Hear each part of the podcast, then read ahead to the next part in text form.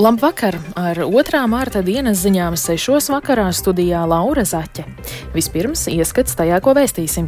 Tiesa apcietinājusi vīrieti par degmaisījuma iemešanu okupācijas muzejā. Romā noslēdzies Eiropas sociāldemokrātu priekšvēlēšanu kongress. Nevalstiskās organizācijas aicina būvobjektos nodrošināt vides pieejamības speciālistus.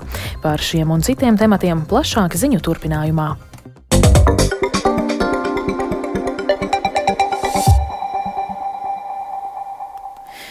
Rīgas pilsētas tiesa šodien apcietinājusi vīrieti, kurš šonadēļ iemeta degmaisījumu Latvijas okupācijas muzeja vadītājas Solvitas Vības kabinetā. Aizdomās turētais, kurš ir Latvijas pilsonis, jau iepriekš bija nonācis policijas redzeslokā saistībā ar narkotikām. Vēl tiek izmeklēts, kāda bijusi motivācija nozieguma izdarīšanai, taču viena no galvenajām versijām ir tāda, ka vīrietis noziegumu veicis, jo jūta naidu pret Latvijas valsti, iedzīvotājiem, brīvību un arī pašu muzeju. Krievija aizvadītajā naktī uz Ukrainu raidījusi 17 triecienu dronu šahed, no kuriem 14 Ukrainas pretgaisa aizsardzības spēkiem izdevās notriekt. Diemžēl droniem sasniedzot mērķus un nogāžoties to atlūzām, Odesā gājuši bojā pieci cilvēki, un nogalināto vidū ir arī trīs gadus vecs bērns. Savukārt Harkivā bojā gājis kāds sirmgalvis. Odesā un Odesas apgabalā izsulinātas trīs dienu sēras. Pirms brīža Romā ir noslēdzies Eiropas sociāldemokrātu priekšvēlēšanu kongress. No Latvijas šajā politiskajā ģimenē ir partija Saskaņa. Kongresā par vienoto vadošo kandidātu jūnijā gaidāmajās Eiropas parlamenta vēlēšanās ir izvēlēts Eiropas komisijas sociālo lietu komisārs Nikolā Šmits no Luks Luksemburgas. Sociāldemokrātu politiķi vairāk kārt ir brīdinājuši par briesmām, ko rada eiroskeptiķu un populistu popularitātes pieaugums, un kategoriski noraidījuši iespēju sadarboties ar šādām partijām. Kongresa, kongresa norises vietā Romā atrodas arī mūsu korespondents Ārķums Konohovs. Ar viņu pašlaik esam sazinājušies tiešraidē. Labdien, Arčum! Kāds ir kongresā valdošais noskaņojums un kā sociāldemokrāti gatavojas atbildēt uz jau pieminēto eiroskeptiķu un populistu iespējamo ietekmes pieaugumu? Ja, labdien! Kongress tiešām ir tikko noslēdzies, un te visu dienu tika runāts par gaidāmajām vēlēšanām un par to, kāpēc tieši sociāldemokrāti var sniegt vislabākās atbildes uz Eiropas izaicinājumiem, vismaz viņu prāt. Nu, tas, protams, ir politiķiem raksturīgi runāts par to, ka tieši viņi spēj piedāvāt īstās atbildes atšķirībā no pārējām partijām, bet uh, satraukums par uh, to, ka eiroskeptiķi varētu uh, nākt pie varas vai viņu tiktu iekļauti kādā koalīcijā, ir izskanējis tieši tiešām vairāk kārt tika runāts par to, ka tas nebūtu pieļaujams. Itālija, kur arī notiek šis eh, kongress, kuras galvaspilsētā šis kongress notiek, eh, tika minēta vairāk kārt kā piemērs tam, ka šādiem politiķiem nākot pie varas sadarbībā ar eh, Eiropas Tautas partijas partijām, ar kristīgajiem demokrātiem, var notikt diezgan no sociālistu viedokļa nepatīkamas lietas un tiktu notiktu nepatīk, nepieņemamas viņu prāt politikas tiktu īstenotas. Tad Tādēļ pret to tika brīdināts un daudz arī tika pieminēts, ka sociāldemokrāti atšķirībā no eiroskeptiķiem un populistiem piedāvā cerību, nevis tikai balstās uz cilvēku bailēm un mēģina šos, šīs bailes pavairot. Par sociāldemokrātu vadošo kandidātu ir iecelts salīdzinoši maz pazīstamais sociālo lietu komisārs Šmits, un viņam ir 70 gadu. Par ko liecina viņa izvirzīšana? Viņa izvirzīšana liecina par to, ka sociāldemokrāti visticamāk necer, ka viņu kandidāts tiešām varētu kļūt par nākamo Eiropas komisijas priekšsēdētāju, un visticamāk uz otro termiņu paliks tautas partijas politiķa Vācu kristīgā demokrāta Urzula Fonderleina. Jāsaka, ka nedaudz tā tā, tāda anekdote, ka Šmits ir tik ļoti mazpazīstams vismaz ārpus Luksemburgas un Briseles, ka viens no franču laikrakstiem ir ielicis pat nepareizu fotografiju un ir ielicis fotografiju fotografiju ar Valdu Dombrovski tā vietā. Nu, nezinu, vai šobrīd jau fotografija ir nomainīta, bet Twitterī joprojām klīst attēli ar veco, uh, veco rakstu. Uh, tas tikai parādīja, ka tiešām šis ir salīdzinoši maz zināms politiķis, bet šeit vairāk kārt tika pieminēti viņa sasniegumi sociālajā jomā un tas, kas tika pēdējo gadu laikā paveikts, lai aizsargātu iedzīvotāju un viņa tiesības gan platformu darbiniekiem, gan jaunieši, gan arī daudz citu. Un tas tika pieminēts kā viens no no galvenajiem iemesliem, kāpēc tieši viņš bija vienīgais kandidāts un viņš arī vienbalsīgi tika apstiprināts. Paldies, Artjom! Tādi lūk jaunumi saistībā ar gaidāmajām Eiropas parlamenta vēlēšanām.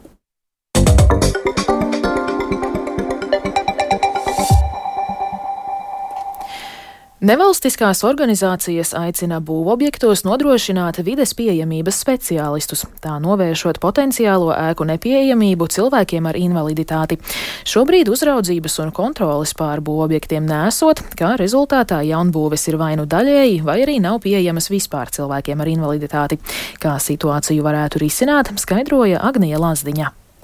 Savulaik situāciju par vidas pieejamību būvu objektos uzraudzījusi būvvalde, taču tagad tā vairs nesot un visa atbildība gulstoties uz arhitektu pleciem, kuri nevienmēr ievērojot nepieciešamās specifikācijas, lai, piemēram, cilvēki ar kustību traucējumiem varētu iekļūt ēkā. Tā norāda invalīdu un viņu draugu apvienības apērons valdes priekšsēdētājs Ivars Balodis. Viņš skaidro, ka vidas pieejamību bieži vien saista tikai ar pacēlājiem un uzbrauktavēm, taču tā attiecas arī uz cilvēkiem ar redzes vai dzirdes invaliditāti invaliditāti, kuriem nepieciešamas akustiskās dzirdes cilpas, surdotulki, vadlīnijas, kā pārvietoties pa pilsētu un citi. Par to esot runāts jau gadiem, taču jautājumi vienmēr esot atlikti, pieļaujot, ka problēma atrisināsies pati no sevis. Turpina Ivars Balodis. Pieejamā vide ir viens no pamatnosacījumiem, lai vispār cilvēki ar invaliditāti varētu iziet ārā, un tā pieejamā vide ir kļūst svarīga, man liekas, ka visai sabiedrībai, jo arī vecāku gadu gājumu cilvēkiem pieejama vide ir viens no izšķirošiem faktoriem kaut kur doties vai nedoties. Tāpat arī turismā pieejama vidi, tas ir viens no svarīgiem būtiskiem faktoriem, lai turisti pēc iespējas vairāk vienā vai otrā vietā ierastos. Lai situāciju risinātu, Saimas cilvēktiesību un sabiedrisko lietu komisijas sēdē apspriesti divi potenciālie varianti, proti katrā pašvaldībā ieviest cilvēku, kas atbild par vidas pieejamības nodrošināšanu, uzraugot būvobjektus un risinot citus neskaidros jautājumus, vai arī izlases kārtībā pārbaudīt Latvijā noteiktā laika posmā būvētos objektus un pārbaudīt, vai tiek ievēroti būvnormatīvi un tie ir jēgpilni. Runājot par vīdes pieejamības speciālistu būvobjektos, Latvijas būvnieku asociācijas prezidents Normons Grīnbergs uzsver, ka tas radītu papildu slogu, jo kontrolējošo acu pāru esot pietiekami daudz. Atzīst, ka to visu vajag, bet birokratizējam papildus cilvēku uzliekot tieši uz šo,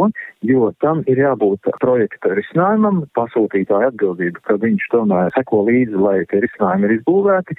Īpaši, ja tas ir projektā, atbildīgā būvdarbu vadītāja atbildība ir tā, kura nosaka, ka tam ir jābūt izbūvētam. Labklājības ministrijas vecākā eksperta vienlīdzīgu iespēju jautājumos Inese Vilcāne gan uzsver, ka abas ieceras ir atbalstāmas un iespējams īstenot. Turklāt vidas pieejamības speciālisti Latvijā jau esot pieejami, piemēram, pērn sadarbībā ar nevalstiskajām organizācijām apmācīti 15 cilvēki. Jau vairāku gadu garumā sadarbojamies ar nevalstiskajām organizācijām, kuras savā kompetencē sniedz šīs vides piekļūstamības ekspertu konsultācijas. Slēguši savulaik pakalpojumu līgumus, esam nodrošinājuši šīs vides piekļūstamības konsultācijas Eiropas Savienības fondu līdzfinansētajos projektos. Saimas atbildīgajā komisijā lemts turpināt diskusijas, iesaistot arī atbildīgās ministrijas. Agnija Lazdiņa, Latvijas radio.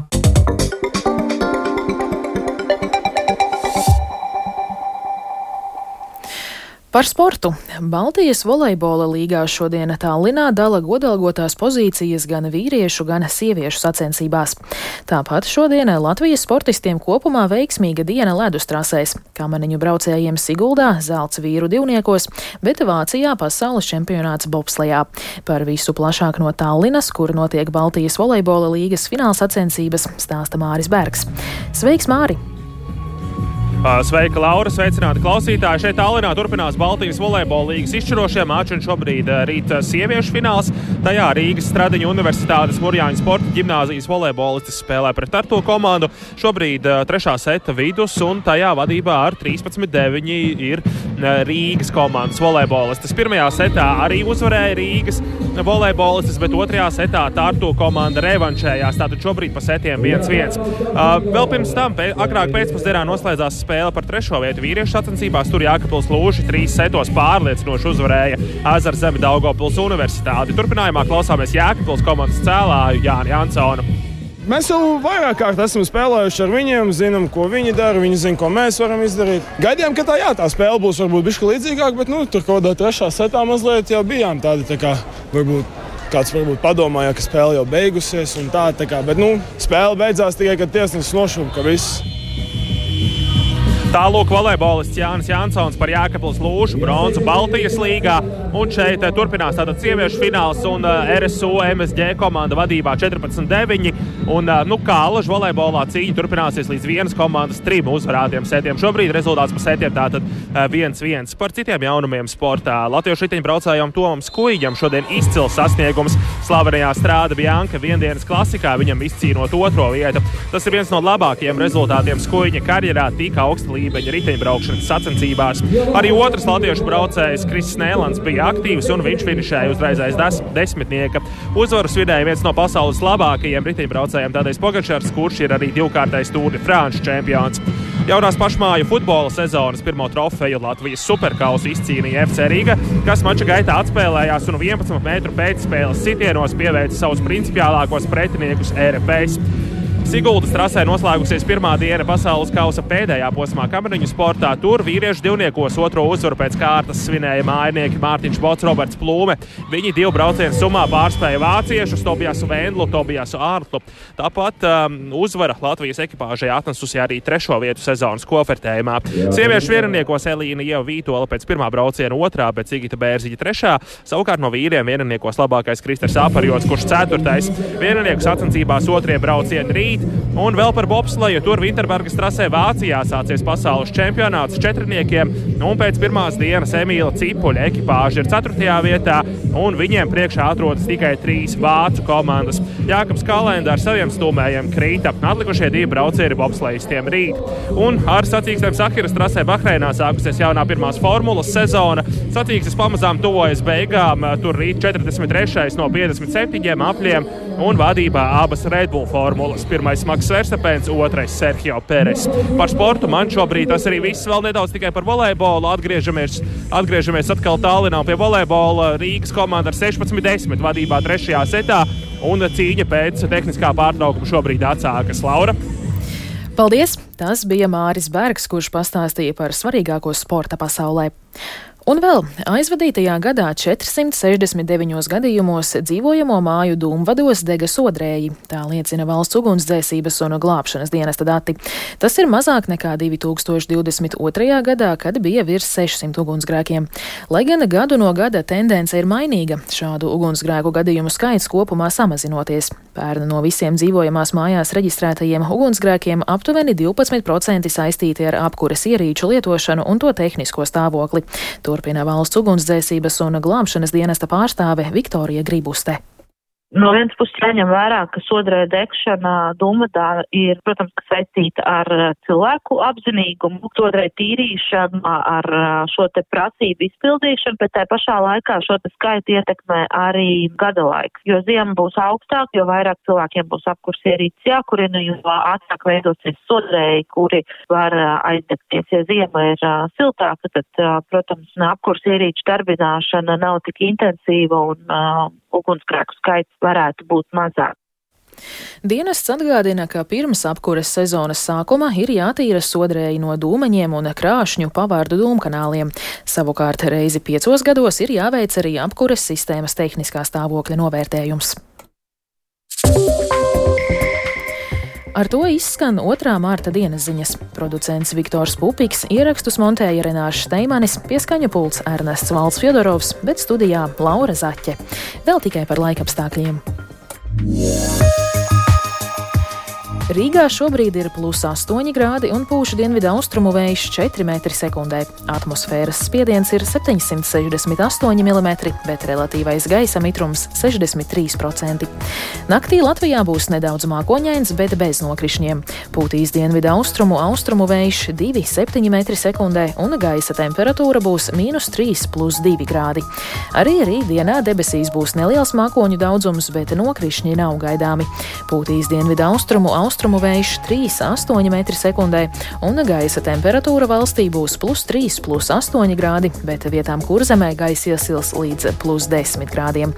Rīgā gaidāms neliels mākoņu daudzums bez nokrišņiem, pūtīs mērens dienvidu puses vējš, un gaisa temperatūra būs plus 6, plus 8 grādi.